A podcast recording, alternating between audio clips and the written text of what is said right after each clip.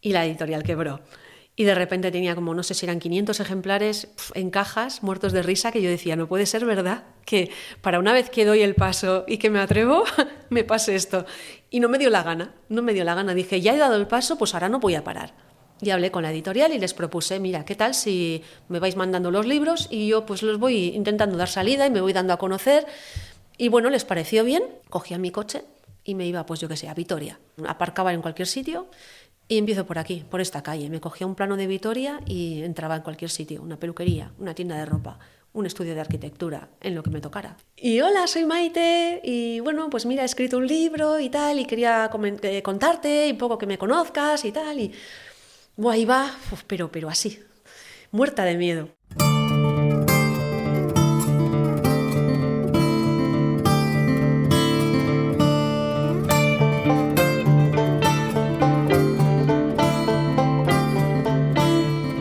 Yo no llevo un carro de la compra.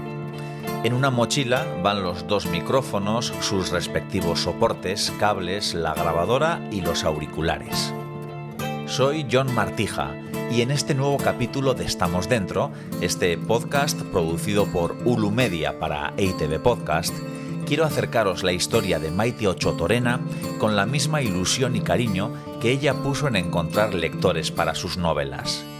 Con su carrito puerta a puerta.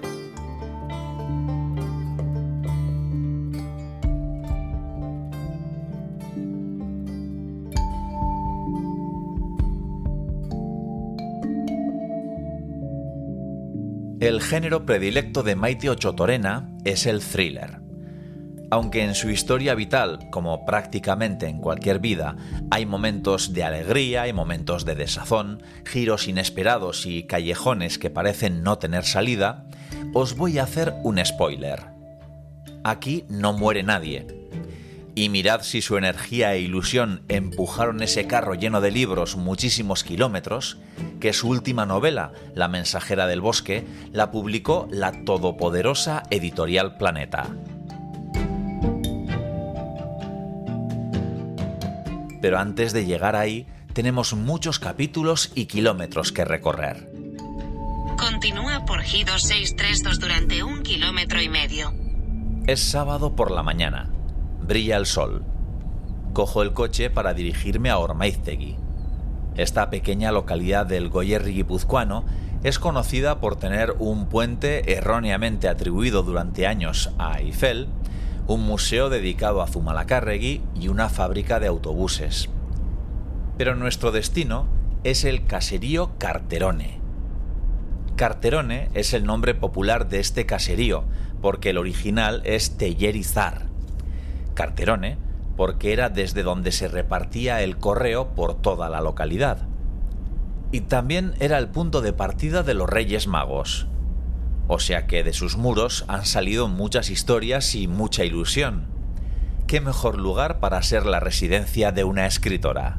Tu destino está a la izquierda. Hola. Hola. Pues muy bien. ¡Qué ilusión! Aquí grabamos hasta la llegada. ¿eh? ya, ya, me he imaginado, ya escuché. Ya has oído algo, ya has oído algo. Hola. ¿Y cómo se llama? Nala. Nala. Es un poquito pesada, ¿eh? Bueno, no pasa nada. Sí, pero bueno, en plan bien ya ves. Que tiene mucho amor para, mucho dar, mucho para, dar. eso es. ¿Eh? Me encanta. ¿Qué pasa? ¿Te ha costado llegar? Pues me he liado porque me he ido me dijiste al lado de Irizar y me he ido al Irizar grande. Claro, por eso te dije el que está al lado de. O sea, el que está viniendo desde allí. Aupa. Él es John. Cacho. No, toca llevar. Toca llevar. Bueno. Aquí tráfico un poquito, ¿no? Ahora más, claro. ¿Sabes qué pasa? Que con el peaje que han puesto ah, ahora, pues ha aumentado una barbaridad. Ahora está viniendo todo el mundo por aquí. Con todo lo que eso conlleva, claro, de ruido y de Claro, sí me extrañaba a mí de repente por Ormaizte y semejante tráfico. ¿eh? Y un fin de semana aquí no suele haber nada, o sea, por ahora, semana sí, porque hay empresas y demás. Irizar. Sí, la gente que va a trabajar, que viene, que tal pero ahora... No, no. Sé, ¿Qué vamos a hacer? Nos ha empeorado la cosa, pero bueno, ¿qué se le va a hacer? Bueno. Bienvenido. Gracias. voy a dejar aquí tranquilos. Me voy a llevar esto por ahí. Vale. Porque esta os va a dar una brasa, si no. Se puede quedar, pero bueno, que ella seguro que prefiere salir y irse por ahí Sí, no, Sí. pero- de paseo. No, es más que nada porque está así todo el rato.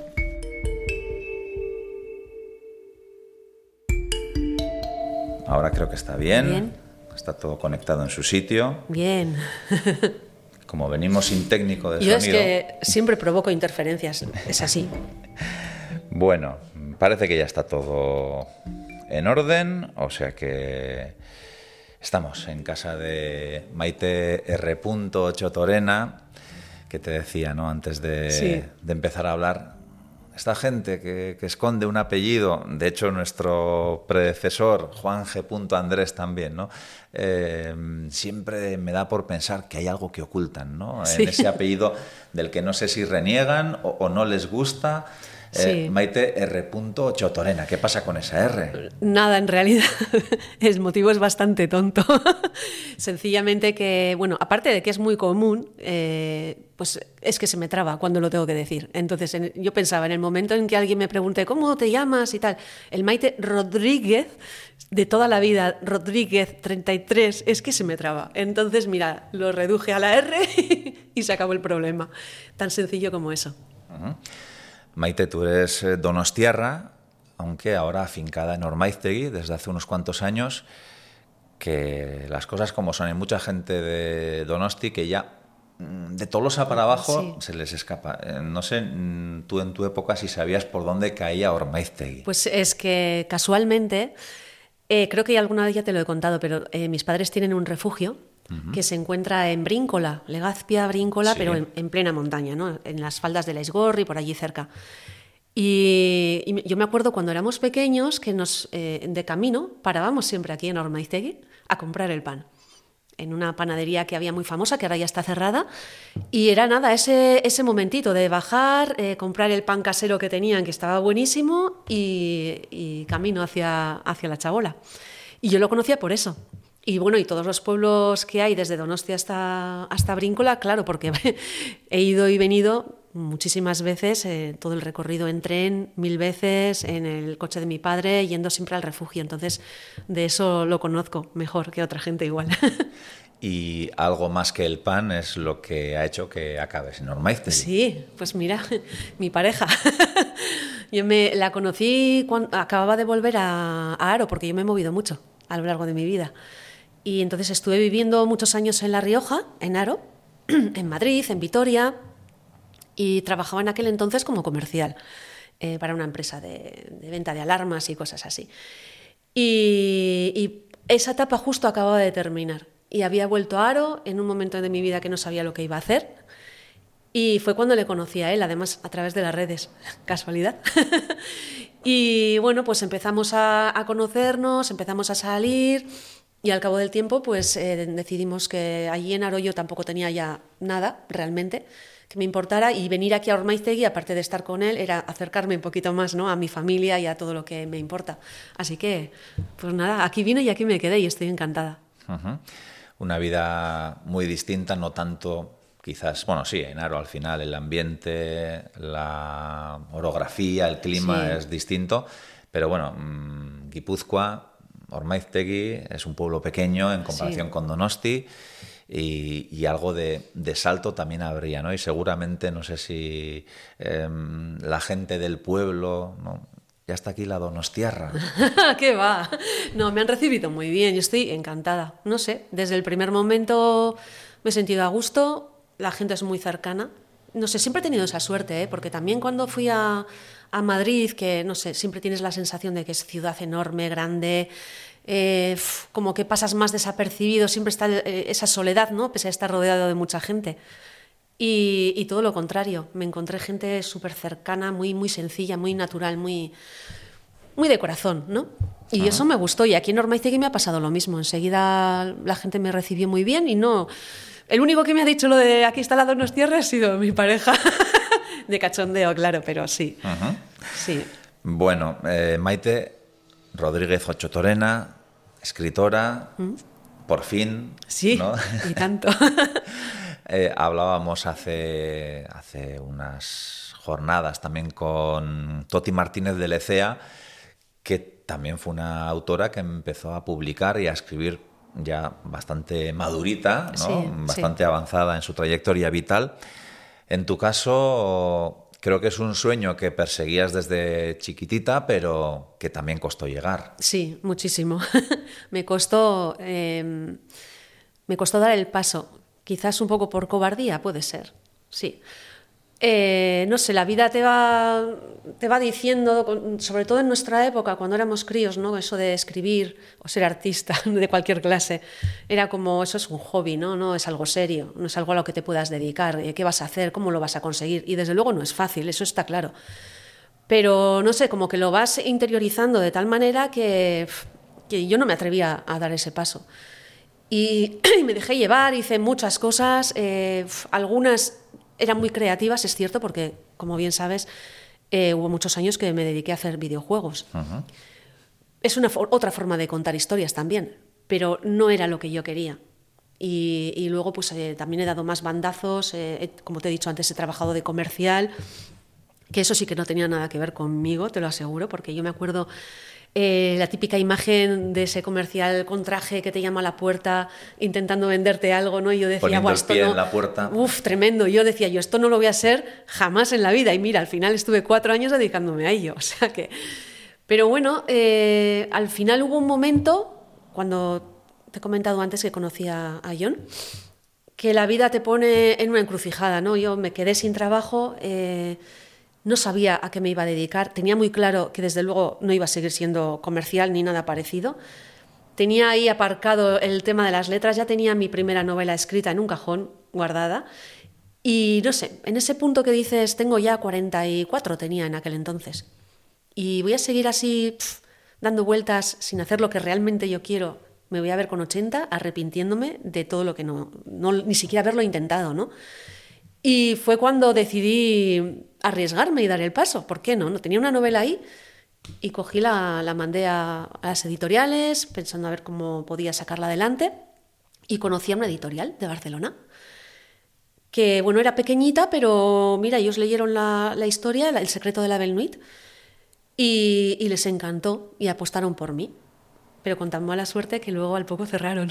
Eso que te ponen el caramelo en la boca y luego te lo quitan de golpe, ¿no? Bueno, de esa historia vamos a hablar, sí. porque ese es un punto de arranque sí. en el que curiosamente también, pues esa experiencia previa de comercial luego ha hecho que literariamente hayas llegado a donde has llegado, hmm. pero vamos a hacer un, repaso un poco cronológico ¿no? de tu historia. Sí. Eh, de esa Stevie también en la que coincidimos, que es de ahí de donde nos conocemos Maite y yo, la Escuela de Cine, Cine y Vídeo de Andoain, donde pues unos cuantos entrábamos con ganas de, ser cineastas y luego la vida nos ha llevado por otros derroteros.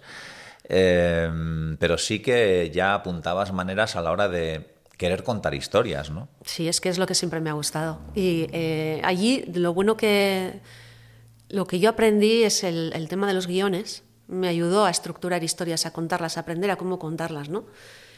Y eso fue lo bueno que yo saqué, porque yo pensaba dedicarme, como muy bien dices, más al cine, ¿no? porque también es otra forma de contar, y luego me encontré con que era más, eh, la escuela realmente estaba más orientada a, ser cámara, a técnico de sonido, a ese tipo de realizador, ese tipo de cosas, ¿no? Se me escapaba un poco de lo que yo, de lo que yo soñaba. Y, y bueno, pues eh, fueron mis primeros pasos hacia lo que yo quería realmente. Fueron un primer intento, ¿no? una primera toma de contacto. Y, de hecho se me daba bien. Los guiones eran lo que más, lo que más destacaba, quizás, ¿no? Lo que mis profesores me decían, eh, que, era, que se me daba bien, que, podía, que tenía algo a la hora de contar historias. Y bueno, pues fueron mis primeros pasos, sí.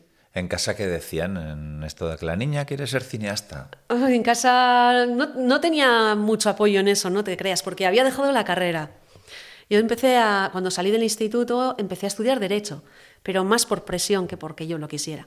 Eh, mi padre estaba empeñado en que no podía hacer otra cosa eh, que le parecía a él que no tenía más salida y, él, su sueño era haber hecho derecho, es una historia que se repite mucho por desgracia, eh, que, los padres quieren que los hijos... Proyectan sus frustraciones en sus hijos. Eso es, y eso es lo que me pasó a mí, yo me dejé llevar, tenía 18 años, no tenía muy claro por dónde tirar y bueno, pues te dejas llevar, pero enseguida, en cuanto empecé, me di cuenta del error tan grande que estaba cometiendo, yo es que no tenía nada que ver con aquello, y decía, no puedo, no puedo seguir, y yo, si algo tengo claro es cuando algo no lo quiero. lo que quiero a lo mejor no, pero lo que no quiero te aseguro que lo tengo muy claro.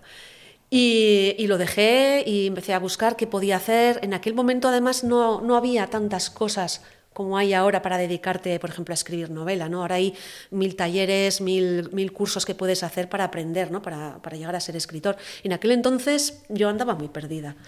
Y apareció lo de la escuela de, escuela de cine y vídeo y, no sé, me pareció una oportunidad, una manera de encauzarme un poquito hacia lo que yo quería, ¿no? de, ir, encarrilándome hacia ello, aunque luego después vendrían otras cosas que, que me desviaron del camino, ¿no? pero bueno.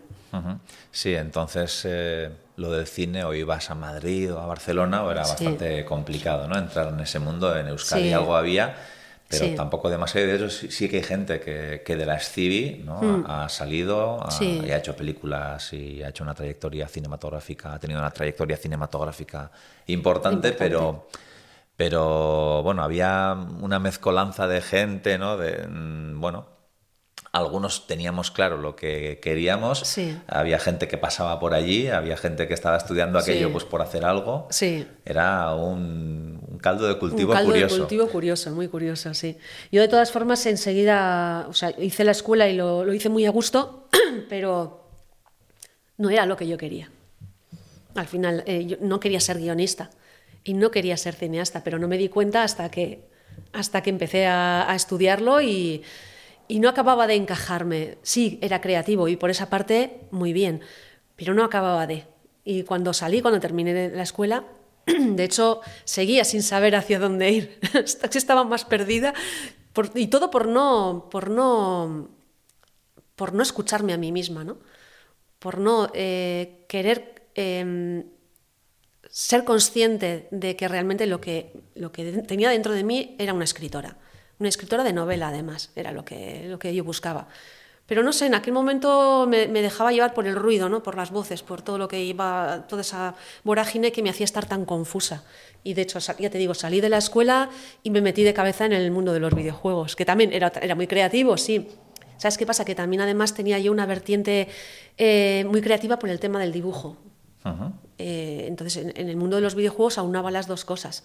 El contar eh, una historia, porque hacíamos aventuras, y tenías que contar, eh, tenías los personajes, tenías que crear los escenarios, tenías que crear toda una historia, además mucho más compleja de lo que pueda parecer, porque tú cuando desarrollas un juego tienes que tener en cuenta todo lo que el jugador va a hacer, todas las puertas que se le abren con cada acción que hace, ¿no? Entonces, se te abre la mente y tienes que tener en cuenta mil, mil detalles.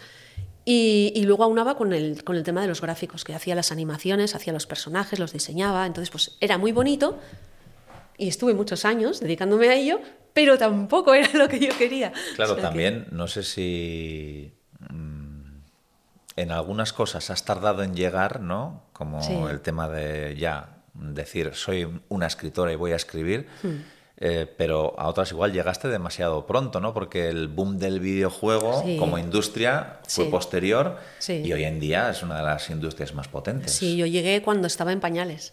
O sea, en el, equipo donde, donde yo empecé a trabajar, eh, acababa de hacer un juego para Spectrum, o sea, eran los, dibujos que hacían eran con píxeles, o sea, tenían 16 colores, imagínate, ¿no? Ahora es todo millones de colores, tarjetas gráficas con una capacidad brutal. En aquel entonces no era así, estaba todo muy medido y muy controlado porque la capacidad que tenían las consolas pues era la que era, ¿no? Y además, de hecho, yo no me he dado cuenta hasta después, hasta que alguien que, que tiene interés por el mundo de los videojuegos me contactó para entrevistarme porque resulta que era, había sido bastante pionera, no era, en aquel entonces no había chicas que se dedicaran a, esto.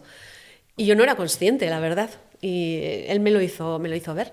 Y así que imagínate si era algo novedoso completamente. De hecho, hicimos tres juegos y cada uno que hicimos eh, lo empezábamos de cero con una plataforma completamente nueva. Uno era para recreativas, de las que hay en los bares, de juegos de plataformas y así. Y el siguiente fue pues, el estilo Tomb Raider para, para ordenador de sobremesa. Eso suponía empezar de cero completamente. Toda la programación, eh, investigar, aprender, o sea, íbamos sobre la marcha aprendiendo. No, no vayas a creer que, que sabíamos lo que hacíamos del todo. ¿eh? Bueno, pues una experiencia distinta. ¿Cuántos años estuviste en el mundo del videojuego? Pues como siete años o así. Siete años. Bueno, bastante. Son bastantes años, sí. es que son proyectos muy largos. Sí. Y había, bueno, un mercado menor hmm. que el de hoy en día, pero era no, pero era potente, ¿eh? sí, sí, sí, sí, en aquel entonces sí. De hecho, trabajamos para, para, una empresa que hoy en día ya está desaparecida, era Dynamic Multimedia, que hacía el PC Fútbol, que a mucha gente le sonará, y era una empresa muy grande, muy potente. Aquí en España quizás eh, no, no, no estaba tan desarrollado como en otros países, como en Inglaterra, por ejemplo, que allí en Reino Unido, bueno, era, era como la, la panacea para los creativos que querían entrar en ese, en ese mundo, ¿no? Sí, sí, había mucho mercado, ahora mucho más todavía, ¿no? Pero en aquel entonces ya se movía mucho. ¿Y mantienes algún contacto con gente de aquella época? No, no. la verdad que nuestros caminos se separaron y, no he vuelto a saber nada. Hablando de ser pionera, porque hay otra historia por ahí mm, en tu currículum profesional que no lo he visto contado en ningún lado, pero mira ahora Amazon, ¿no? Lo que vende. Sí. Yo a ti te he comprado DVDs online, a través de una tienda online. Sí, es que eso fue que de repente, uy, John Martija, eh, pero si yo estudié contigo. Claro, sí, sí, sí. Cuando recibes el pedido y, te contactan en, bueno, no sé de qué años estamos hablando, pero del siglo pasado. Pues sí, sí, del siglo pasado. Sí, eso fue eh, cuando terminamos, cuando terminé la etapa de, de, los videojuegos. Realmente no fue por eh, decisión propia, sino que es que la empresa para la que trabajábamos, pues se fue al garete, digamos, y entonces nos quedamos sin proyectos, sin nada y, y no sé, nos embarcamos en esa aventura que bueno, pues eh, no nos, no nos, trajo muchas alegrías, la verdad. También algo muy nuevo, porque era DVD que acababa de empezar, era Internet que todavía estaba en pañales, la gente no compraba porque no se atrevía a usar las tarjetas, había mucha desconfianza todavía, o sea que otra vez un proyecto colosal porque, porque es que además éramos dos personas detrás de, una empresa que parecía que tenía un montón de departamentos. De hecho, yo me ocupaba de todo, desde hacer paquetes, atender a los clientes, a volcar toda la información de, de todas las películas. Bueno, es un trabajo inmenso, inmenso. No salió bien, no salió bien. Y bueno, pues duró, duró también bastantes años aún así. Pero bueno, no es una etapa que me gustara. No estaba haciendo ahí, sí que no estaba haciendo nada de lo que yo quería, nada en, absoluto. Pero fue curioso porque ahí fue donde nos reencontramos, entre comillas, porque en aquella época, como cuenta Maite, evidentemente Internet era otra cosa, no había ni redes sociales. Nada. Y, de repente es curioso, ¿no? Que tú encargas eh, un DVD a una plataforma de venta online y de repente te responden y oye que soy Maite de las TV sí sí es curioso porque encima Mm, tampoco sabíamos esa, creo, ¿no? Esa empresa dónde estaba. O sea, podía ser de cualquier lugar y en sí estaba afincada en San Sebastián. Eso es. Y, de hecho ahí nos reencontramos. Yo creo que fui a, verte ahí a, la empresa. Y fue un reencuentro curioso, que pides un DVD por, por internet y, te viene el pasado también con, con, la película. Y tanto, no, de verdad que sí, ya sabes, la vida tiene esas cosas, esas curiosidades, ¿no? Pues esto no lo había visto escrito por ningún lado. O sea no, que, no. Bueno, un pasaje que, que queda ahí, otro aprendizaje sí. duro. Y, no sé si luego llega ya ese momento en el que te ves de comercial o todavía otra... Ah, no, no, espera, eh, sí, fue en ese momento. Bueno, es, es, que a partir de ahí hice de todo, porque ya, como te digo, ese proyecto salió muy mal, peor que mal. Y bueno, pues yo no necesitaba trabajar, no sabía qué hacer con mi vida y fue, bueno, pues una, se inició una especie de carrera sin mucho sentido y de supervivencia más bien. Em, trabajé en una tienda de telefonía, trabajé de comercial eh, casa por casa vendiendo televisión por cable y hasta que aterricé en esta empresa que vendía alarmas y cámaras de, de videovigilancia y en la que estuve cuatro años eso me dio, porque yo soy muy tímida, yo soy muy tímida, aunque no lo parezca. Y, el hecho de trabajar de comercial, ¿no? a puerta fría, te hace curtirte, pero hasta el extremo. Y eso me dio, me dio muchas tablas. Es que en realidad, si lo piensas, yo no sé si es algo que, que la vida te pone por delante y que tiene que ser así, porque todo lo que he hecho me ha ayudado después a conseguir lo que tengo ahora, realmente, porque eh, mi etapa de videojuegos me ayudó a aprender algo que mucha gente, yo me daba cuenta luego trabajando, que no, no tenían. Y era ese conocimiento para, esa facilidad para manejar programas de todo tipo, de edición, de gráficos, de lo que quieras, ¿no? Eh, y luego mi etapa de comercial me dio unas tablas tremendas para ser capaz después de hacer lo que hice que supongo que hablaremos después de ello. Claro, hombre. De salir a la calle y de, y de, ofrecer mis libros y de darme a conocer a la gente. Eso quizás si no hubiera hecho todo, todo esto que te estoy contando, quién sabe, igual nunca hubiera dado ese paso. No hubiera tenido los, la, la, valentía de hacerlo, ¿no? de, de, de decir, voy a entrar aquí en esta tienda, en una tienda de ropa. con mi carrito lleno de libros a presentarme, hola, que soy Maite y escribo novelas, ¿no? ¿Quién sabe? Eh, cámaras de seguridad, productos de seguridad, eso también no sé si en tu género preferido ha tenido alguna influencia porque lo tuyo es el thriller, sí. el, el, misterio. Ahí sí. también hay una, no sé si una mini conexión. puede ser, inconscientemente puede ser que dijera yo, bueno, pues tiene un puntillo que me, que me atrae, ¿no? En ese sentido. Puede uh -huh. ser. Además, eh, siendo comercial y a pie de calle, te aseguro que te encuentras historias increíbles increíbles, surrealistas, gente de todo tipo, que bueno, que luego te puede dar pie a, imaginar muchas historias y a dar mucho más realismo a tus personajes, ¿no? Cuando tienes esa experiencia. Pues mira, de todo se saca algo positivo, está clarísimo. Y aquí no sé si también llegaste demasiado pronto, porque hoy en día hay un boom de empresas de seguridad, vemos un montón de anuncios, sí. hay una cierta psicosis, yo creo que injustificada, mm. ¿no? porque los datos en cuanto a delincuencia en sí. Euskadi eh, no son ni mucho menos los de otros países pero realmente pues se venden a porrillo estas alarmas. Si yo te contara. no, cuando llegué no llegué demasiado pronto, ya había una guerra abierta tremenda sí. entre las distintas empresas que había de, de seguridad. O sea, eso era. eran tiburones comiéndose unos a otros. Eh, no llegué pronto, ya había, ya había esa misma psicosis. Yo creo que un poquito también los, las propias empresas introducen esa psicosis porque ellos necesitan vender y tú sabes que un comercial lo que hace es generar esa necesidad. Entonces, bueno, pues hasta cierto punto yo creo que también te inducen un tanto a, a tener ese miedo, entre comillas, ¿no? Un poquito. Sí, de hecho suele pasar, ¿no? Eh, sobre todo en zonas de viviendas unifamiliares y así, que cuando hay un robo sí. eh, en una casa, de repente en el barrio aparece algún comercial de estos, Hombre. que no sabemos muy bien cómo se ha enterado, Hombre, pero ahí está. ¿no? Porque leen los periódicos y están al tanto de todo. es que si no, es su profesión y, y tienen que estar eh, donde ellos puedan entrar ¿no? y, y, llegar a la gente y transmitirles lo que, lo que les quieren vender, está claro. y así. tú estuviste vendiendo puerta a puerta este sí. tipo de productos que me imagino que tiene que haber muchos días duros, ¿no? Días que, que no consigues nada, días, semanas sí. y me imagino que la frustración tiene que ser importante. La frustración y la presión. Tremendo, tremendo, tremendo. Es algo que no quiero ya nunca más en mi vida, sinceramente.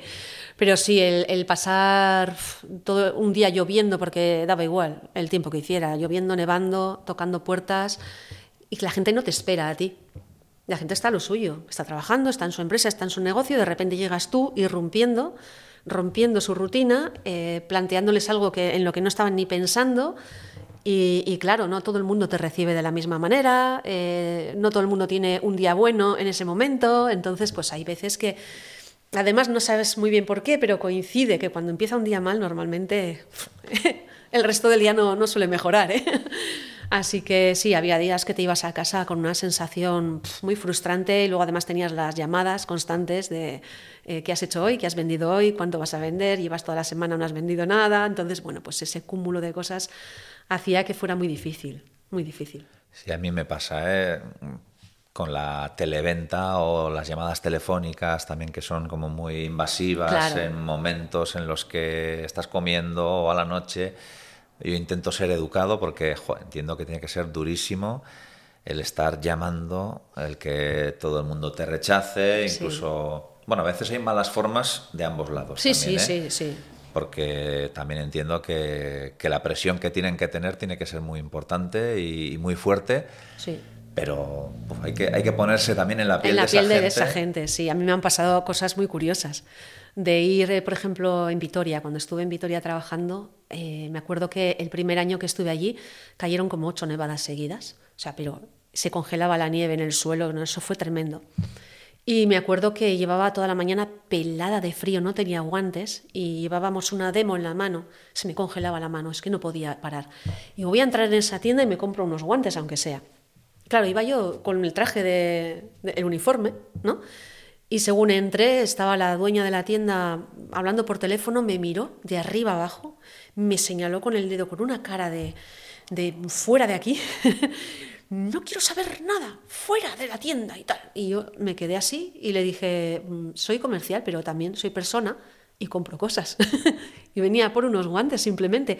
Pum, se le cambió la cara, se dio cuenta de, de que se había equivocado y no te preocupes, eh, ven, y toda amable y tal, pero ya como que ya no me apetecía comprarle a esa mujer los guantes porque es que me había tratado de verdad con muy mala educación, con muy mal, mala, leche, ¿no?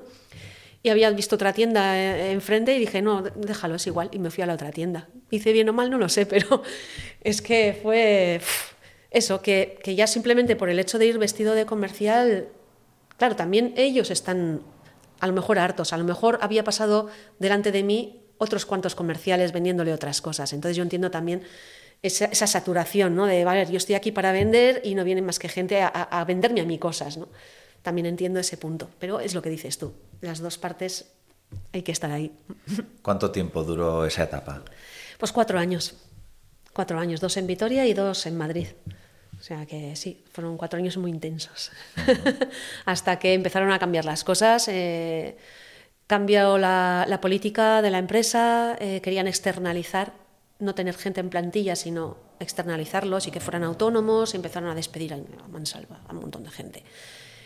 Y yo la verdad que ya no tenía muchas ganas de seguir, ¿eh? O sea, estaba diciendo, ojalá me despidan porque ya no podía más. De hecho, el último año hasta estuve de baja por ansiedad, porque la presión era tan grande que ya yo ya no podía más. O sea, estaba saturadísima. Yo me acuerdo que llegaba a los locales, tenía que entrar y venderle algo a esa persona y era incapaz. Es que me echaba a llorar allí mismo, ¿eh? O sea, imagínate el nivel de, de, de presión que tenía encima.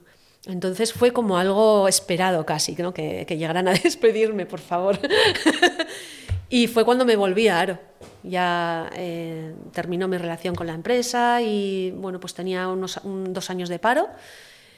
Y fue cuando pff, hice, mira, tómate el tiempo que necesites y piensa bien lo que vas a hacer. Tenía 44 años ya. Y, y fue cuando empecé a, a pensar. Y cuando mi primera novela, que estaba ahí guardadita en el cajón, pues empecé a, a, moverla. Dije, este es el momento. ¿Desde cuándo estaba guardada en el cajón ese pues secreto esto, de la Belnuit? Esto que te estoy pues como siete años, porque la escribí en el 2007 o así.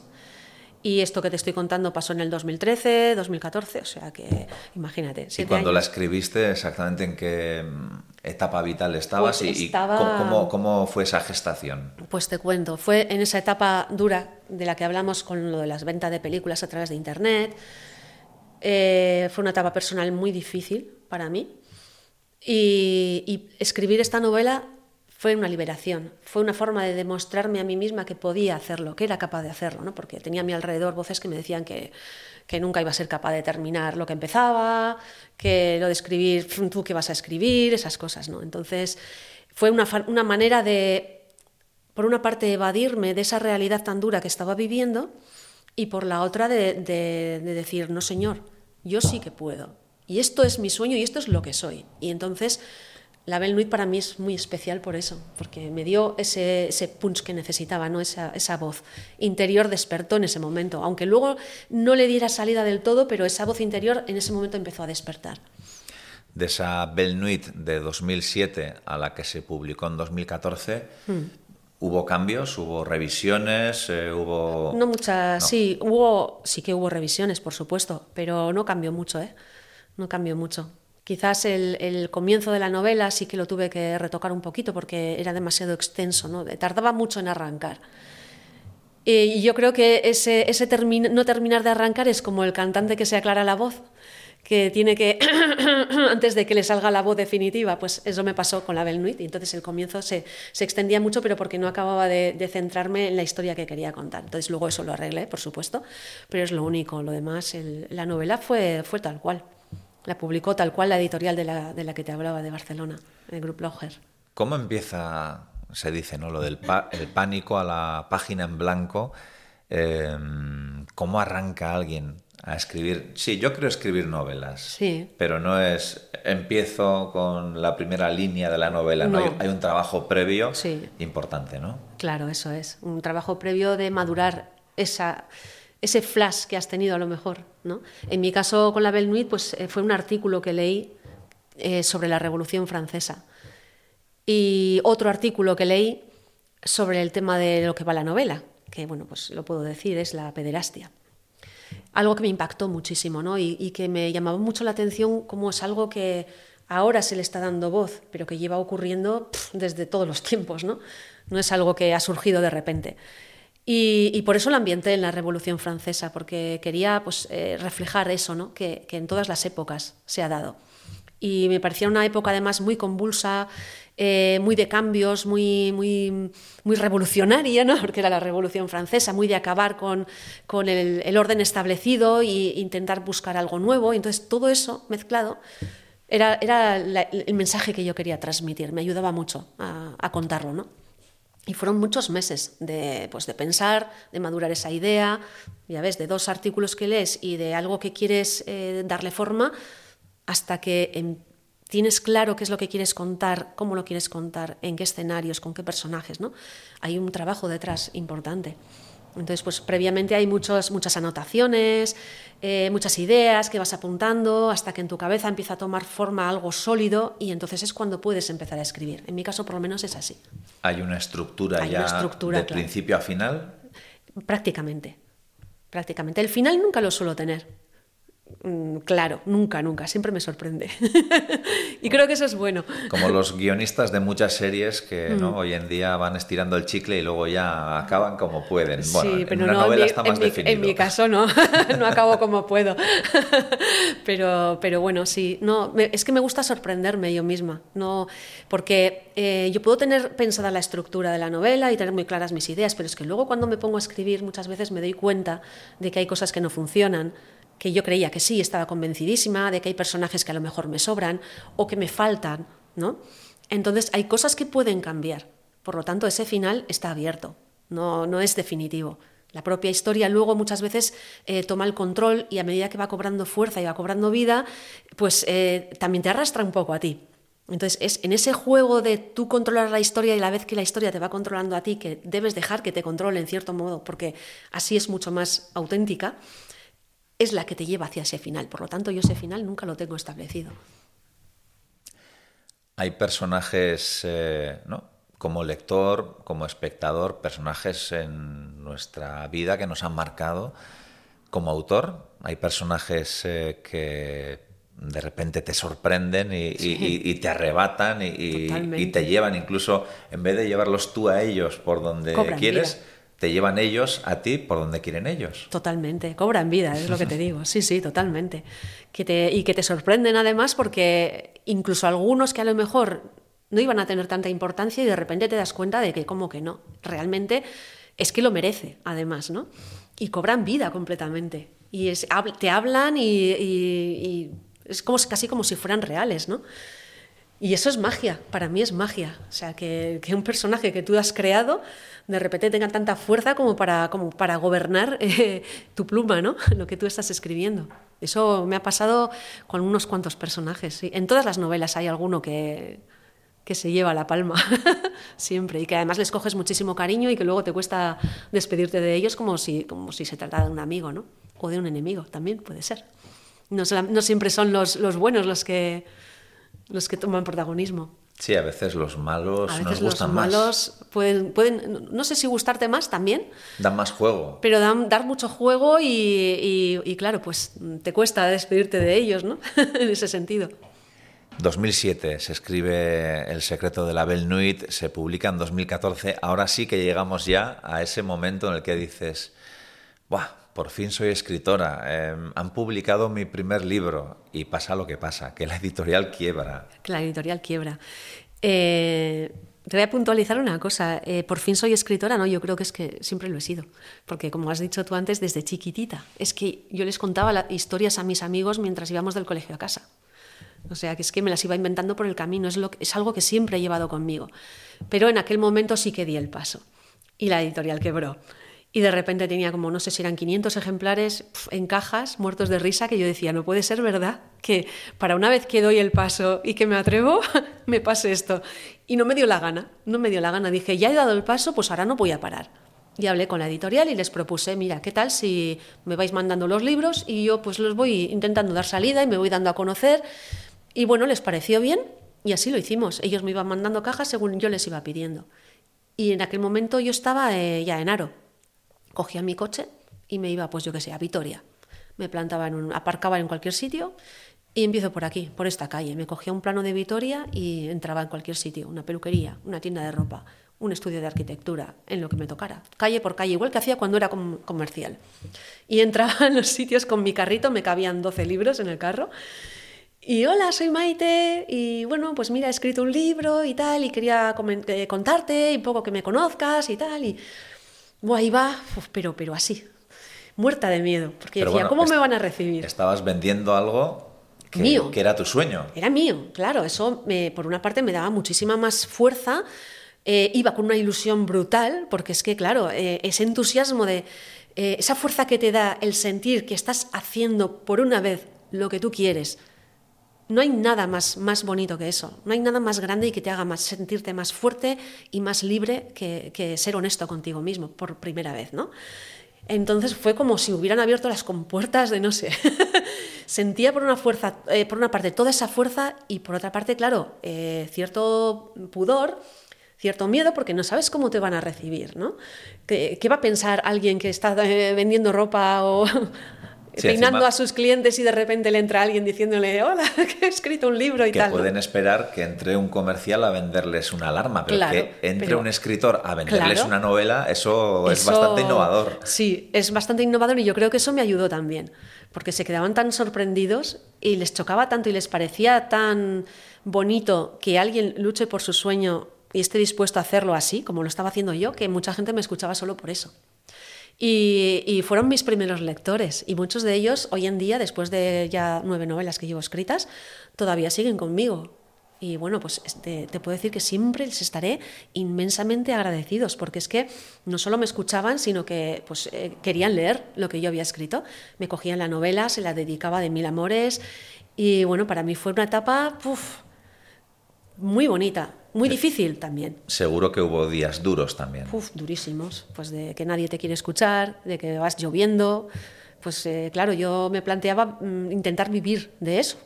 Entonces, pues no era nada fácil. ¿Qué te voy a decir? A veces me volvía con el carro lleno a casa. Además, yo de salud entonces no andaba muy bien. Con lo cual, súmale eso, ¿no? El levantarte a pesar de, de, que, no sé, tenía como una especie de agotamiento, no sé si producido por todo el estrés que había pasado, que había ido acumulando, ¿no? A lo largo de mi vida un agotamiento brutal. Y muchos días me levantaba que no podía con mi alma, o sea, solamente pensar en vestirme, ¿no? Pues me costaba mucho, y aún así lo hacía. Y claro, luego te encontrabas un día mm, gris, frío, y que la gente también gris y fría, ¿no? pues era muy difícil. Pero bueno, pues al día siguiente era un día mejor, salía el sol, yo me encontraba mejor y salía y volvía a encontrar gente ilusionada y yo también, y ya está. Y así seguía adelante. Eh, ¿Conseguiste vender todos los ejemplares? Sí, y otra tirada más. y la siguiente novela, que ya la tenía escrita, eh, tiré con ella. O sea, estuve haciendo esto mm, pues con dos o tres, tres cuatro novelas, con cuatro novelas. La siguiente que fue La sombra de Fougno, que, era la continuación. Sí, eh, la, continuación y el desenlace del secreto de la Belle eso es. Una autoedición. Esto ya fue autoedición. Encontré, bueno, cuando terminé mi relación de vender, los libros que eran pertenecían a la editorial, la siguiente tirada ya la hice por mi cuenta. Entonces busqué una, empresa, una imprenta en Barcelona que trabajaba muy bien, hacía unas ediciones de, de calidad y, con un precio que me permitía tener margen para yo poder bandearme y salir adelante. Y empecé a trabajar con ellos. Entonces yo hacía tiradas según lo que estimaba que podía llegar a, vender en, ese mes, ¿no? pues 200 ejemplares sacaba, pues 200 ejemplares salía con ellos y hasta que no los vendía, pues no volvía a hacer otra, otra tirada. O si ya veía que iba flojeando, porque al final me iba recorriendo todos los pueblos y es como que ya llegas a un punto en el que ya lo he recorrido todo y a lo mejor aún me quedan libros, ¿no? No sé. Entonces, bueno, pues iba manejándome de esa manera. Todo que era Euskadi, eh, Navarra, La Rioja. pues toda La Rioja, todo Euskadi, Vizcaya, Guipúzcoa, eh, Álava, Navarra. Me, fui hasta Burgos y he llegado a ir hasta Madrid, aprovechando que tenía una amiga allí. Y pues, oye, voy a visitarte y de paso con mis libros hasta allí. Sí, he recorrido muchísimos kilómetros, muchísimos. Sí, sí y, como decías, lectores que desde entonces eh, has fidelizado. Sí, sí. Y que me imagino que cuando te veían entrar con la siguiente novela, alguno te estaría estaban esperando. Sí, sí, sí, me estaban esperando. Y bueno, deseando que, la siguiente, a ver, a ver cuál va a ser. Y, vendrás, ¿verdad? Cuando, cuando termines la siguiente, por favor. Es que se le ha dejado a no sé quién y le ha encantado. Es que eh, mi madre también la está leyendo. Bueno, es que era, eso era precioso. Y luego, por ejemplo, entrar en una peluquería y que de repente todas las clientas quieran tu libro, porque te han estado escuchando y se han emocionado con lo que les estabas contando, no sé, debía de dárseme bien el, transmitir lo que, lo que era la novela, ¿no? lo que era la historia y, a la gente se, enganchaba solamente escuchándome y luego querían la novela, claro. Y bueno, era pura magia, cuando, cuando todo fluía y, la propia peluquera te decía, Buah, con la siguiente ven porque ha sido, ha sido bonito, ¿no? el, estar un montón de gente allí escuchando y ese ratito que teníamos juntos era, era bonito. Hmm. Decíamos el thriller, el, misterio, el suspense, eh, también en algunos casos la novela ambientada en otra época. Eh, todo esto también exige una documentación importante. Sí, sí, mucho trabajo, sobre todo con las que son de época, como La Belle y como, por ejemplo, Victory, en algún lugar desconocido, que son novelas ambientadas en el 1800 y pico, en el 1700 y pico. En, el caso de la Belle Nuit, además, la Revolución Francesa, pues requiere mucha documentación, porque es que cada detalle que tú quieres contar tienes que tener en cuenta en qué momento lo estás contando, ¿no? Eh, cómo vestían, cómo que en, la Belle Nuit qué tipo de armas utilizaban, cómo se usaban, todos los detalles, ¿no? Tienes que tenerlos en cuenta y eso requiere un trabajo de documentación eh, importante, entonces y apasionante, por cierto. Aprendes muchísimo, eh, te lo pasas genial, descubres un montón de cosas. Todo, es todo un, todo un proceso creativo precioso. Tras la sombra de Fuguno llegó el destino de Ana H., otra con, un apellido escondido, Ana H. Murria. Sí. Y, y, tú seguías pues un poco con tu dinámica, que, más o menos te permitía ir tirando, ir publicando e ir vendiendo a, tu ritmo. Sí, en aquel entonces eh, ya descubrí Amazon, que no lo conocía.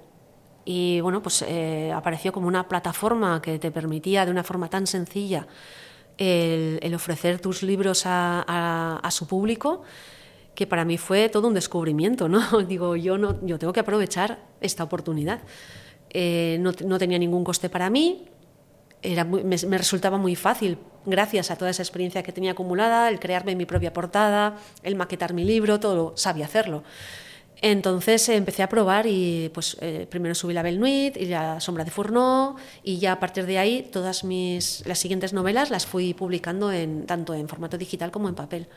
Fue todo fue otro paso más, otra etapa, ¿no? dentro de, la, de mi trayectoria que me permitía llegar a mucha más gente. Y todos esos lectores que yo fui ganando mientras iba puerta a puerta en la calle, gota a gota, que por cierto había gente que me decía, eh, pero es que esto que estás haciendo es absurdo. Gota a gota, si no vas a llegar a ninguna parte. Eh, deberías eh, hacer una presentación donde va mucha más gente. Y yo sí, va mucha gente, pero no me conoce nadie. Seguramente no vaya nadie, ¿no? Eh, es que si estás aquí a lo mejor es porque realmente no, merece la pena lo que, tú escribes, porque si no tendrías una editorial detrás, ¿no? Ese tipo de comentarios que, que hay gente que no entiende lo que estás haciendo y sin embargo, sin embargo, toda esa labor que yo hice de gotita a gotita fue sembrar y sembrar y sembrar y he demostrado luego en Amazon que ellos fueron la base que yo necesitaba para hacerme visible. Entonces, eh, ellos hicieron que yo poco a poco, eh, cada novela que publicaba llegara a más gente, ¿no? porque en Amazon funciona así. Tiene unos algoritmos que según, según la gente que te compra, las páginas que leen, pues te va dando más visibilidad y hace a, a su vez que llegues a mucha más gente. Y fueron ellos los que, los que me impulsaron, ese gota a gota. O sea que... Eh, mucha gente habla mal de Amazon, en tu caso hmm. creo que no, que no, mi experiencia fue, fue muy buena. Cierto es que ahora está mucho más complicada porque, porque destacar en Amazon entre miles y miles de, de personas que quieren dedicarse a esto y que tienen esa, esa facilidad para publicar, pues al final somos muchos pillando a la vez demandando atención, ¿no? Entonces es muy complicado destacar.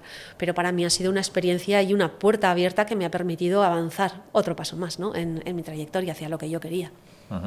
Cuando publicas con una editorial, hay un editor, hay alguien que mm. también te hace correcciones, te orienta, te guía. En tu caso, tú te lo guisas y tú, te, lo comes. sí, sí. Eh, cuando, cuando tú autopublicas, te das cuenta de que eres un todo trote. O sea, tienes que corregir tú, bueno, si tienes dinero puedes contratar un corrector, puedes contratar un ilustrador. De hecho, yo acabé contratando a una, ilustradora que me hacía todas las portadas, ¿no? Eh, claro que puedes tener acceso a eso, pero la mayoría de la gente no tiene dinero como para permitírselo, ¿no?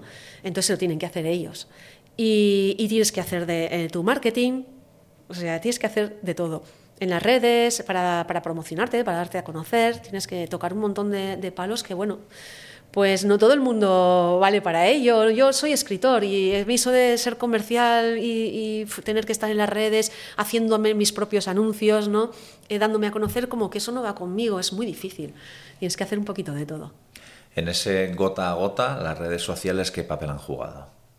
Muy importante, muy importante, qué duda cabe, porque eh, tú ten en cuenta que Amazon eh, lo que vende sobre todo son libros digitales, es el ebook. Y, por lo tanto las redes sociales se prestan mucho a ese, a ese formato, ¿no? a, a, leer en ese formato.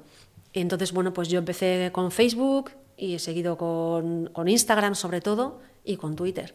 Con Twitter menos, ¿no? Porque no me, no me manejo muy bien en ese formato, como que no se presta tanto para mí, para mí, a mi juicio.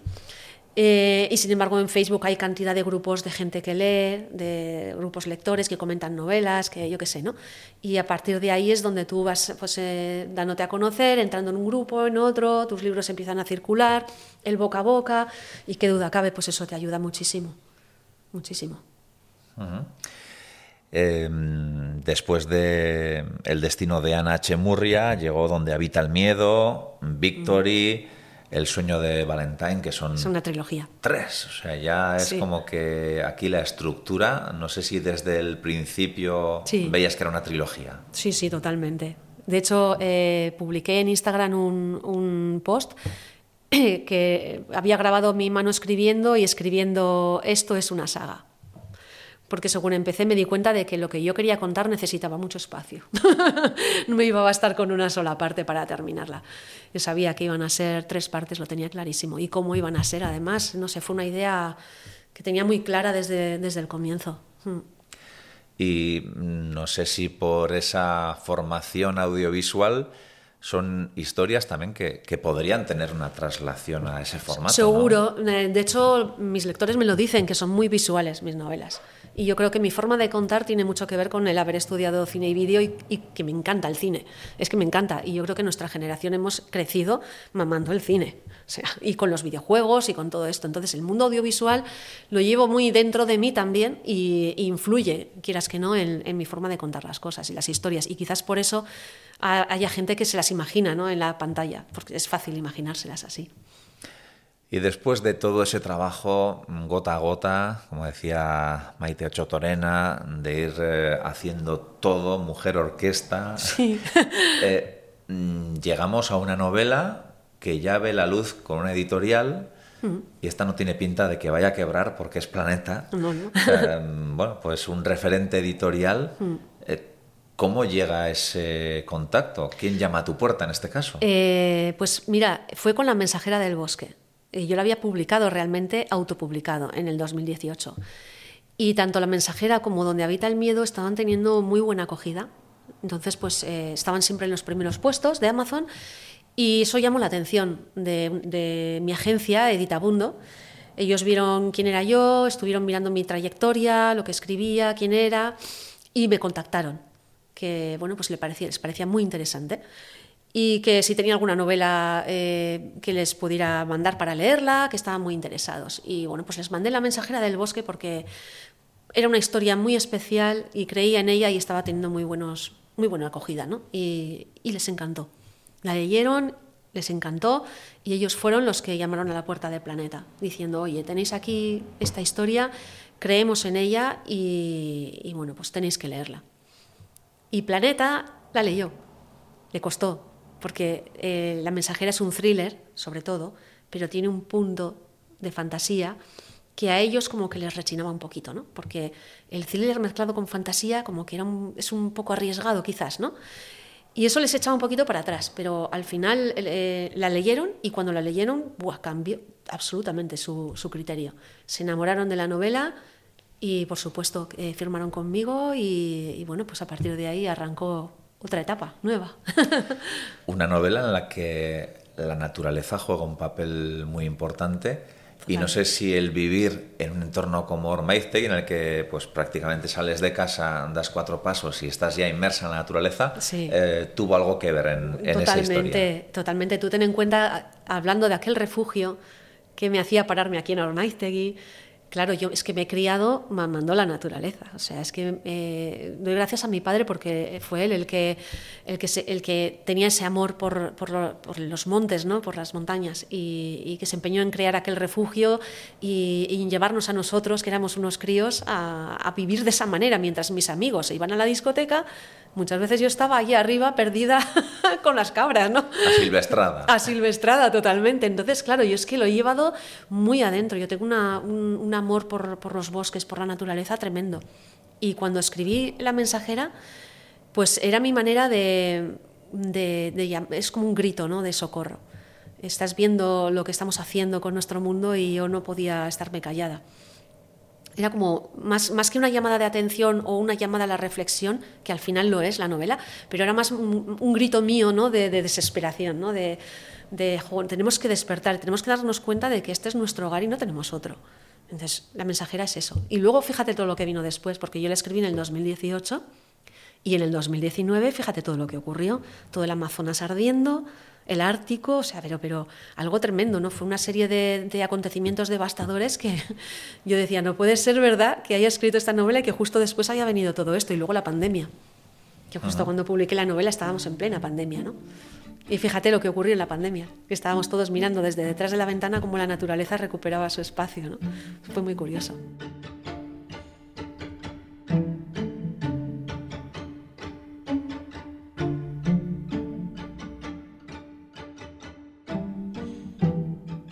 Hablando de la importancia de la naturaleza, hacemos una parada en esta charla con Maite Ochotorena para visitar el terreno que se encuentra detrás del caserío, que también eh, le sirve de inspiración.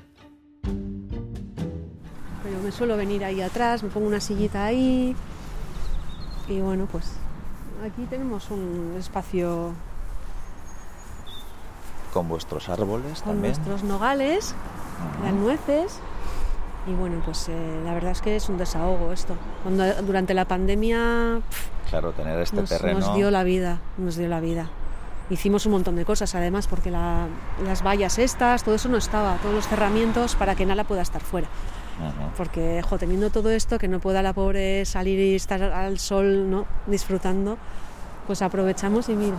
Mm, ¿Cuánta gente eh, valoraría esto yo es lo que decía, hombre, mira, toda la gente que salía al balcón y nosotros podíamos estar aquí, salir, subir por el camino, porque aquí no hay nadie, esto es nuestro todo. Pues para, para nosotros fue la vida, o sea, hay cuánta gente que no tenía ni balcón y que vive ahí en cuatro metros cuadrados, ¿no? Pues imagínate. Y a partir de ahí la gente ha valorado otras cosas también. ¿eh? Hombre, sí, totalmente. Así que, bueno, pues este, ahí debajo del nogal suelo estar muchas veces con mi sillita y escribiendo. Pensando las historias. Pensando las historias, sí. Pensar pienso mucho, sobre todo cuando me voy a andar con Nala. Me voy por ahí, me tiro dos horas, lo que sea, lo que me haga falta y no me entero ni por dónde voy, porque mi cabeza está raca, raca, raca, raca, pensando y bueno, pues es mi, mi forma de... Sí, yo creo que es bastante habitual, ¿no? Eh, ese ejercicio físico de andar que hace que la mente sí, sí. Em, también camine. La Bel Nuit la escribí dando yeso en la pared, porque estaba haciendo, me hice la reforma de mi casa en, en Aro, en La Rioja, y levanté paredes, quité paredes, eh, puse techos, o sea, eso lo hice todo yo. Y mientras daba yeso con la, con la llana, estaba con la cabeza rucu rucu pensando, o sea que sí, la actividad es muy, muy, buena, muy buena cosa para pensar.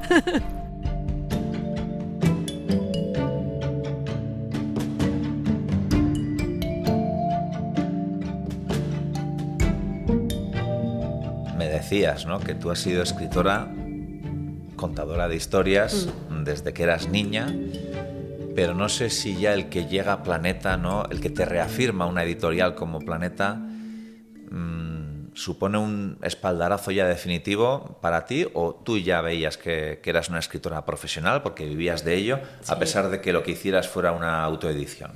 Sí, no, yo tenía claro que planeta o no planeta yo no iba a parar, ya. O sea, ya había conseguido tantas cosas que, que no, no, no, no, sé, una vez que ya has probado eh, las mieles de ser lo que tú realmente llevas dentro, ya no quieres parar pase lo que pase, es más. O sea, yo tampoco es que fuera una escritora en Amazon de estos, eh, un Enrique Lasso, por ejemplo, ¿no? que vendía no sé cuántos miles de ejemplares. No, yo no era así, pero me permitía hacer lo que yo quería. Y, tenía muy claro que fuera como fuera, yo iba a seguir por ese camino.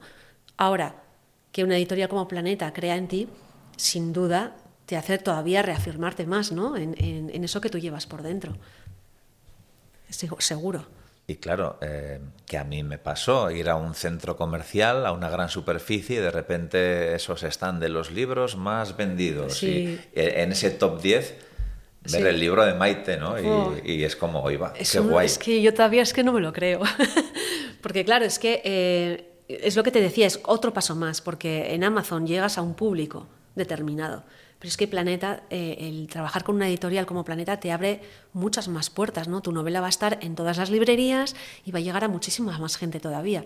El hecho de ver tu libro ahí, ¿no? Y, que además esté en los primeros puestos, vamos, yo es que no, me resulta, no sé, no sé, como un sueño mm, que todavía ha pasado ya más de un año y, y no me lo creo todavía. Me parece increíble. Y claro, hay gente que hace las cosas que tú hacías antes por ti. Eh, hace la promoción, hace todo el trabajo de claro, diseño. No, te, das cuenta de, te das cuenta del valor de lo que has hecho, ¿no? Porque, claro, ellos tienen gente muy profesional que te ayuda eh, en todo el camino, ¿no? Eh, te ayuda a corregirla, pulirla hasta el hasta el límite. Que, es, que, que, se vuelcan además en lo que, en lo que, en lo que están haciendo que tiene una capacidad para el marketing, para, pues, para mostrar tu novela, para hacerla llegar a la gente, Puf, tremenda, ¿no? Entonces es como, buah, de repente tengo ese respaldo y es como un, eh, como llegar a un remanso, ¿no? De, de, tranquilidad mucho más para poder disfrutar tú de lo que estás haciendo mucho mejor, creo. Claro, cuando te autoeditabas, tú sabías exactamente el número de ejemplares que vendías. Claro. Eh, ahora ya eso cambia. Ah, ahora no lo sé. no tengo ni idea, vamos. Te puede, hombre, la editorial sí te dice, pues está yendo bien o está yendo eh, mejor de lo que esperábamos o no, eso sí. Pero vamos, yo no sé exactamente lo que estoy vendiendo, no. Hasta que pasa el año completo, no tengo ni idea. no sabes si más que antes entiendes que sí. Entiendo, claro. Por, a todos los sitios a los que llega la novela. Claro, eso es, eso es. Más que antes, segurísimo. Segurísimo. Pero bueno, eso es una incógnita. Pero bueno, confías también, ¿no? Confías en que teniendo el respaldo que tienes, pues irá bien. Em, sigue esa puerta abierta. No sé si hay un contrato para más novelas o cómo, cómo ha quedado esa relación. No, eh, yo ahora con Planeta tengo, mantengo una relación, tengo un contrato por varios años y todo lo que escriba, ellos tienen la prioridad para publicarlo. Y de hecho ahora estoy con mi nueva novela, que ya tengo, la tengo terminada. Eh, terminado el borrador, corrigiéndola, ellos la están leyendo, o sea que bueno, pues ahora viene un nuevo, una nueva criatura y veremos a ver a dónde llega.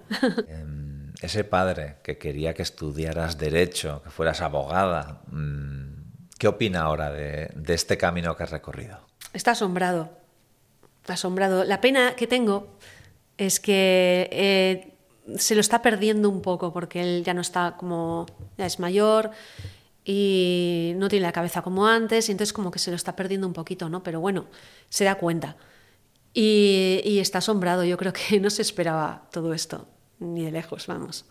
No, no, no tengo claro que, que, creyera, que creyera en lo que estaba haciendo. No, siempre le quedaba esa cosa de eh, todo lo que me estaba costando, ¿no? Abrirme camino con todo esto, pues ¿a dónde vas? ¿O realmente lo vas a llegar a conseguir algún día? Bueno, pues esa duda siempre, siempre estaba alrededor, eso está claro. Había gente que creía más en mí, gente que creía menos. He tenido apoyo, por supuesto, mi pareja, por ejemplo, sin ir más lejos, él, bueno, ha creído en mí a muerte me ha acompañado en cada presentación, que me las buscaba yo, las presentaciones, hablaba con las bibliotecas, con los ayuntamientos, buscándome la vida, déjame este local para hacer una presentación. Él siempre venía conmigo con los libros, me apoyaba al mil por mil, mis hermanos también. He tenido, he tenido gente a mi alrededor que me apoyaba muchísimo. Sí. Y ellos están, mis padres están asombrados, asombrados. Y orgullosos. Y orgullosos, sí, ahora están muy orgullosos, claro, hombre. Sí, sí. ¿Y te ha ocurrido el avanzar mucho en una historia y de repente mm, algo se cruza en tu cabeza o, ves que, no evoluciona como quisieras y desecharla? Sí, de hecho esta última, quizás por la presión, ¿no? por el, hecho de haber publicado con una editorial como Planeta, de repente vas a escribir una nueva y te planteas, ¿no? Eh, tengo que superarme a mí misma, tengo que estar a la altura, tú mismo te empiezas a presionar y en consecuencia ya no eh, pierdes esa espontaneidad que hace que tu novela sea más auténtica. Y eso me pasó, la escribí entera. Y fue, vamos, que la he tenido que borrar y volver a empezar. no te digo más. Y fue por eso, por escribir con miedo, ¿no? Tú mismo te bloqueas al final, esos, esos miedos, ese, ese no, a ver si no voy a ser capaz, si no les va a gustar, si tal y si cual. Lo único que haces es tú mismo frenarte, frenar tu creatividad. Y eso me pasó con esta novela. No valía nada. Lo que es la historia, sí, muchos personajes han desaparecido. O sea, imagínate, tremendo. El cambio ha sido radical. Y ahora ya tengo un nuevo borrador que no tiene nada que ver con el primero. Pero es mucho más auténtico, porque llegó un momento en el que dije, además hablando con mis agentes, ellos me decían, no, tienes que disfrutar, sé tú misma, nosotros confiamos al mil por mil en ti, disfruta de la historia y olvídate de todo lo demás. Y en ese momento pues eh, tuve una conversación conmigo misma muy seria y, dije, mira, eh, así no puede ser. Y entonces, bueno, pues me tranquilicé, eh, busqué ese punto de, de conexión que necesitaba y a partir de ahí fue todo rodado, mucho más fácil. O sea, que ha sido más dura la presión de la editorial mm, para ti contigo misma, ¿eh? que la presión de esos lectores, eh, de esa peluquera, de esa gente que vas conociendo aquí y allá, que, que, también supongo que los tienes en mente cuando escribes. Sí, sí, por supuesto, siempre quieres eh, tocarles el corazón, ¿no? Con cada novela que escribes, mejorar siempre, porque yo creo que nunca dejas de aprender eh, cuando escribes, como cuando haces música, como con lo que sea. Todo lo que es creativo es un continuo aprendizaje. Nunca, eh, no existe la perfección. Yo nunca estoy satisfecha con lo que escribo. Yo ahora cojo cualquiera de mis anteriores novelas y las quiero cambiar todas. Me parece que están mal todo. no, no, nunca acabas de, de estar satisfecho, ¿no? Entonces siempre quieres mejorar, siempre quieres crecer, siempre creces, siempre mejoras. Entonces, por supuesto que los tienes en mente, ¿cómo no? Son tus lectores, son ellos los que dan vida a tus obras al final, ¿no? en cuanto están en sus manos. En mi caso, en este caso, con lo de la editorial, fui yo misma la que me impuse una presión que no necesitaba desde ningún punto de vista y que no la tenía, porque la editorial no me estaba presionando, era yo. mi miedo, ¿no? A que he llegado hasta aquí y ahora, voy a ser capaz de... Y bueno, pues ya se me ha pasado, no he superado ese punto y, he disfrutado muchísimo con esta nueva historia. O sea que... Bueno, están con las correcciones. Eh, ¿Cuándo preves que pueda ver la luz? No te puedo decir. No sé, no, no tengo ni idea. Eso ya. Ya no está en tu mano. Antes no está en mi mano, antes sí, ahora ya no. Depende de muchos factores. Entonces, eh, además, las editoriales siempre eh, tienen su calendario de publicaciones y estudian muy mucho cuándo va a salir según qué novela. Entonces, pues depende mucho de lo que ellos me digan. ¿Y has tenido algún feedback por parte de ellos? Por parte de la agencia, sí por parte de la editorial la están leyendo ahora mismo, ni siquiera están corrigiéndola, la están leyendo. O sea, es que no sé todavía ni lo que les está pareciendo, imagínate, ¿no? Estoy, ahora sí que me estoy mordiendo las uñas, deseando que por favor les guste. Yo la he disfrutado muchísimo y en ese punto creo que si yo la he disfrutado, probablemente el que lo lea también. Es importante. a la agencia le ha gustado mucho, o sea que eso ya es un punto a favor es un punto a favor porque al final tener esa visión externa y de alguien que se dedica a eso claro. Eh, también te reafirma, ¿no? Hombre, claro, claro, eso es importantísimo, como bien te digo. Pues tú tienes, puedes tener tus impresiones, pero luego cuando sale de ti ya, ya, no, ya no es tuya. Y ya la tiene otra persona y no tienes... Hay un punto que es muy curioso porque eh, tú conoces tan bien la historia y todo lo que va a pasar, sobre todo cuando es un thriller, que te resulta muy complicado ponerte en la piel de alguien que no tiene ni idea de qué va la historia ni, ni de lo que va a pasar. Muy complicado. Entonces, hasta que no la tienen, en este caso la agencia, y ellos la leen desde un punto completamente objetivo, desde un punto de vista objetivo, es muy difícil decir qué sensaciones puede generar. ¿no? Yo misma no sé decirlo, es imposible. ¿Te ves escribiendo algo que no tenga nada que ver con los géneros que trabajas habitualmente? Sí, sí, sí, de hecho me gustaría. Yo no me cierra nada, igual que como lectora tampoco lo hago. Leo muchos géneros distintos. Me gusta la ciencia ficción, me gusta la novela histórica, me gusta la novela de aventuras, me gusta el thriller, me gusta todo. Mientras sea una buena historia, a mí no me importa el género. Lo importante es la historia que te están contando. Y, y, como escritora me pasa lo mismo. Hay algunos géneros que me dan mucho más respeto que otros, por supuesto, porque Mm, yo creo que son difíciles. La ciencia ficción me parece muy difícil.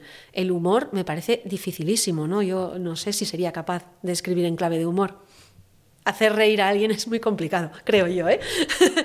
Pero eso no quiere decir que no, que no esté abierta a hacerlo, porque es que, ya te digo, lo importante es la historia. Quién sabe si más adelante se me ocurre una historia que no tenga nada que ver con el thriller, ¿no? que pueda ser una novela histórica, porque lo que yo quiero contar es más adecuado, ese formato, ese género, ¿no? ¿Te animarías a leernos un fragmento de algo? No digo de la nueva, por supuesto, que esa está... Sí, por supuesto, de la que tú quieras. Bueno, pues de la mensajera, ¿no? Yo creo que... Pues sí.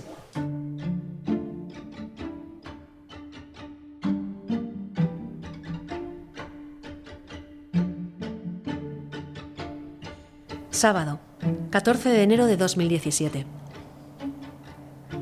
Hubo un chasquido. Chris se incorporó de golpe. Tenía la vista algo nublada. Se frotó las sienes con los dedos. Le zumbaba la cabeza.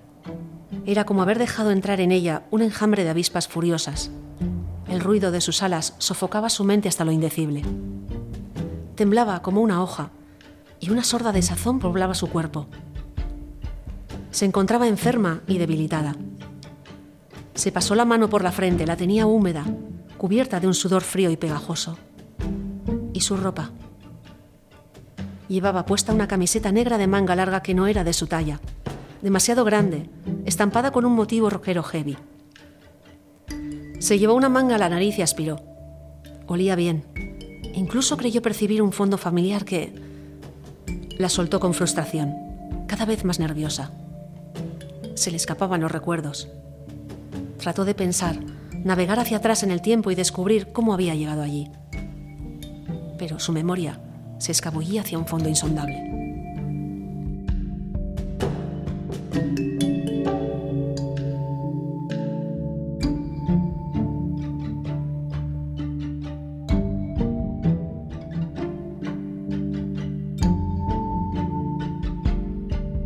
Y hasta ahí podemos leer que decía Ahí lo dejamos. Mayra Gómez Kemp, el que quiera más. Eh, así arranca La mensajera del bosque. Por ahora, la última novela de Maite Rodríguez, Ocho Torena.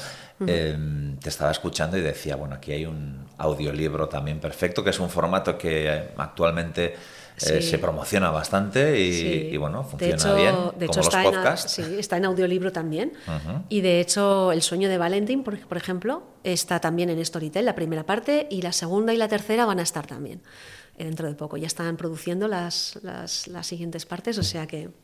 Y a mí me encanta, es un formato, me, me retrotrae a mi niñez cuando escuchábamos aquellas radionovelas que a mí me, parece una forma de, leer también preciosa, ¿no? no te, muy, muy íntima, ¿no?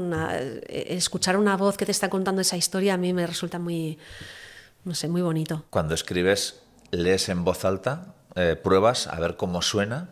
A veces, a veces. Últimamente a veces lo hago porque eh, es curioso, pero cuando lees te das cuenta a lo mejor de que, del ritmo que lleva o de, que lo que estás diciendo no suena bien, te ayuda, sí te ayuda a mejorar lo que estás escribiendo, sin duda.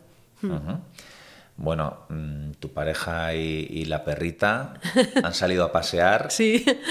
Nala, Nala, que me decíais que era así como muy, muy cariñosa. Mucho, muchísimo. Bueno, pues eh, ha sido un placer el compartir este rato aquí en Ormaiztegui, en, en vuestra casa, ¿no? El, mm. estamos dentro, en la casa de, de Maite Rodríguez Ocho Torena. Em, conocer este refugio, desde donde surgen ya desde hace unos años eh, todas estas historias. Y, nada, que estamos ya esperando la siguiente. O sea que mil gracias por acogernos. Gracias a ti. y, eso, pues que sigas compartiendo tu sueño con todos tus lectores y que sean cada vez más. Ojalá. Maite, por eso. Gracias a ti, de verdad. Mi Esker.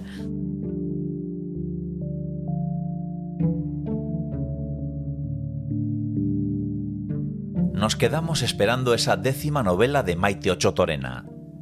Y espero que la audiencia se quede esperando el próximo capítulo de Estamos Dentro, producido por Ulu Media para EITV Podcast. Lo podréis encontrar en vuestra plataforma de audio favorita. De hecho, si os suscribís, ya no tendréis que buscarlo más.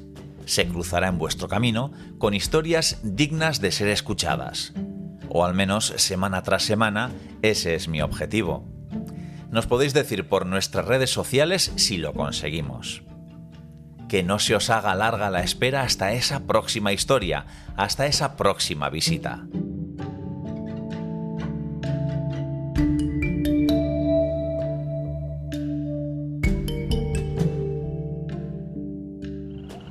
Hey, entzun Ulu Media.